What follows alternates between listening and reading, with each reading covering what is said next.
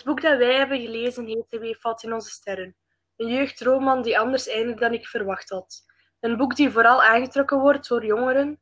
Van dit boek is ook een verfilming gemaakt, The Fault in Our Stars.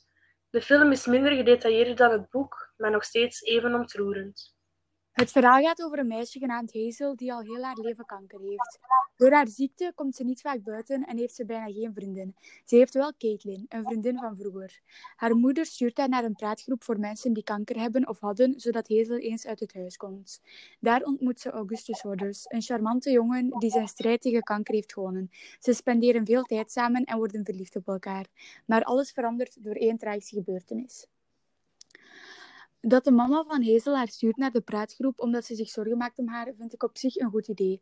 Maar als ik me in de schoenen zou zetten van Hazel, snap ik dat ze dit toch liever niet doet. Hazel vindt het niet leuk als mensen medelijden hebben met haar omwille van haar ziekte. Als ik bijvoorbeeld vertel dat ik bij mijn oma woon omdat mijn mama overleden is, hebben mensen direct medelijden. Als mijn oma mij naar een praatgroep zou sturen daarvoor, zou ik dat helemaal niet willen. Ik snap Hazel dus helemaal op dat vlak. De ontmoeting van Augustus Waters, misschien heel cliché, maar toch heel mooi. Je ziet het direct aankomen, het begin van iets moois. Naar mijn mening zijn deze twee voor elkaar gemaakt. Het begin van een liefde die openbloeit. Liefde op het eerste gezicht. Bestaat liefde op het eerste gezicht wel? Bestaat liefde op jongere leeftijd? Geloven jullie daarin? Ik alleszins wel. Het maakt niet uit hoe oud je bent, het maakt niet uit wat anderen erover denken. Ga voor wat je wilt gaan. Ik heb ook een relatie sinds mijn 15 jaar en ben nog steeds gelukkig samen. Ik ben ondertussen 17 jaar, bijna 18 jaar. Zolang jij er zeker van bent, dat is het belangrijkste. Ik vond de relatie van Gus en Hazel echt heel mooi. Ik vind ook dat ze voor elkaar gemaakt zijn. Je merkt gewoon tijdens het lezen dat ze oprecht van elkaar houden en niet zonder elkaar kunnen. Ik heb uit dit boek geleerd dat je veel van iemand kan beginnen houden op een korte tijd. Ik geloof wel niet echt dat liefde op eerste gezicht bestaat. Liefde is iets dat tijd nodig heeft en niet zomaar gebeurt door een persoon te zien. Je kan een persoon compleet haten en dan, en dan beter leren kennen en er smoor verliefd op worden. Ik had dit ooit eens voor. Er was een jongen waar ik voortdurend ruzie mee maakte en gewoon oprecht haatte. Um, we zeiden altijd slechte dingen over elkaar en lachten elkaar uit. En toen we elkaar beter leerden kennen, beseften we dat we, voor, dat we elkaar eigenlijk best wel leuk vonden en begonnen van elkaar te houden. Je zag wel dat Gus en Hazel direct iets voelden, maar liefde was het niet. Het was meer een aantrekkingsgevoel om elkaar beter te leren kennen. Ik herken mezelf in de vriendschap met Caitlin.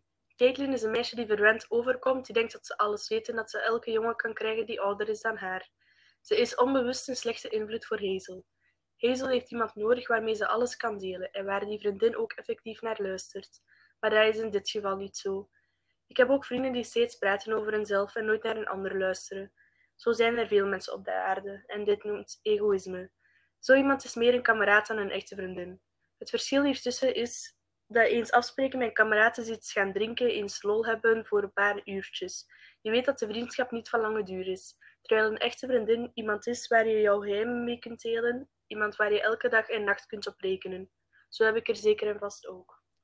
Ik kan mij ook echt herkennen in deze situatie. Ik denk dat iedereen dat wel kan op een bepaald moment in hun leven. Je ontmoet vaak mensen die je beter niet had ontmoet. Echte vrienden zijn er altijd voor je en zullen je altijd blijven steunen. Zoals Lindsay al zei, is Caitlin dus geen echte goede vriendin van Hazel. Ze denkt meer aan haarzelf. Hazel heeft nood aan iemand die luistert naar haar en echt geeft om haar.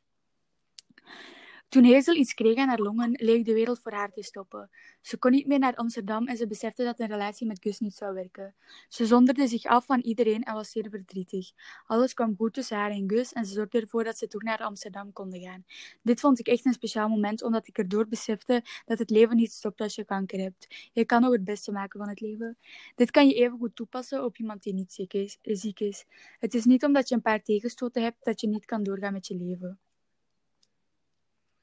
De gebeurtenis met Peter van Houten, een arrogante schrijver die Hazel in augustus uit zijn huis zet en die niets anders doet dan gemeen zijn en uitscheldt. De gevoelens, teleurgesteldheid, boosheid en verdriet komen hier bij Hazel naar boven. Wij hebben dit ook allemaal al eens meegemaakt. Een moment wanneer je genoeg hebt van alles. Ik kan mij hier zeker ook in vinden. Ik ben regelmatig teleurgesteld, bijvoorbeeld wanneer iemand een afspraak maakt en die niet nakomt, of wanneer iemand minder goede of wanneer je een minder goed punt op een toets hebt terwijl je je best hebt gedaan. Je kan teleurgesteld zijn in iets, maar ook in iemand of op jezelf, net zoals boosheid.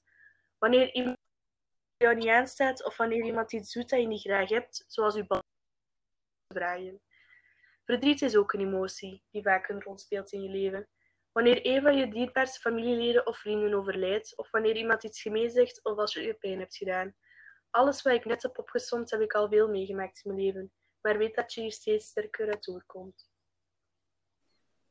Het nut dat ik uit het boek haalde was, we leven, maar een we leven maar een bepaalde tijd op aarde en die tijd kan zomaar opeens worden ingekort door iets. In dit geval was dat de ziekte van Augustus. Elke keer opnieuw als ik het boek lees of als ik de film kijk, dan vloeien er een paar traantjes. Het hele verhaal is zo mooi en het geeft een mooie boodschap mee.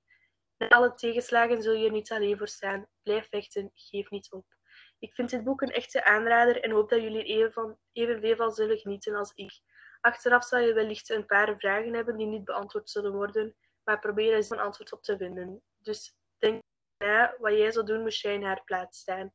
Ik zou persoonlijk die rugzak vol emoties en pijnlijke gebeurtenissen niet alleen kunnen meedragen, maar met behulp van de mensen rondom mij wel.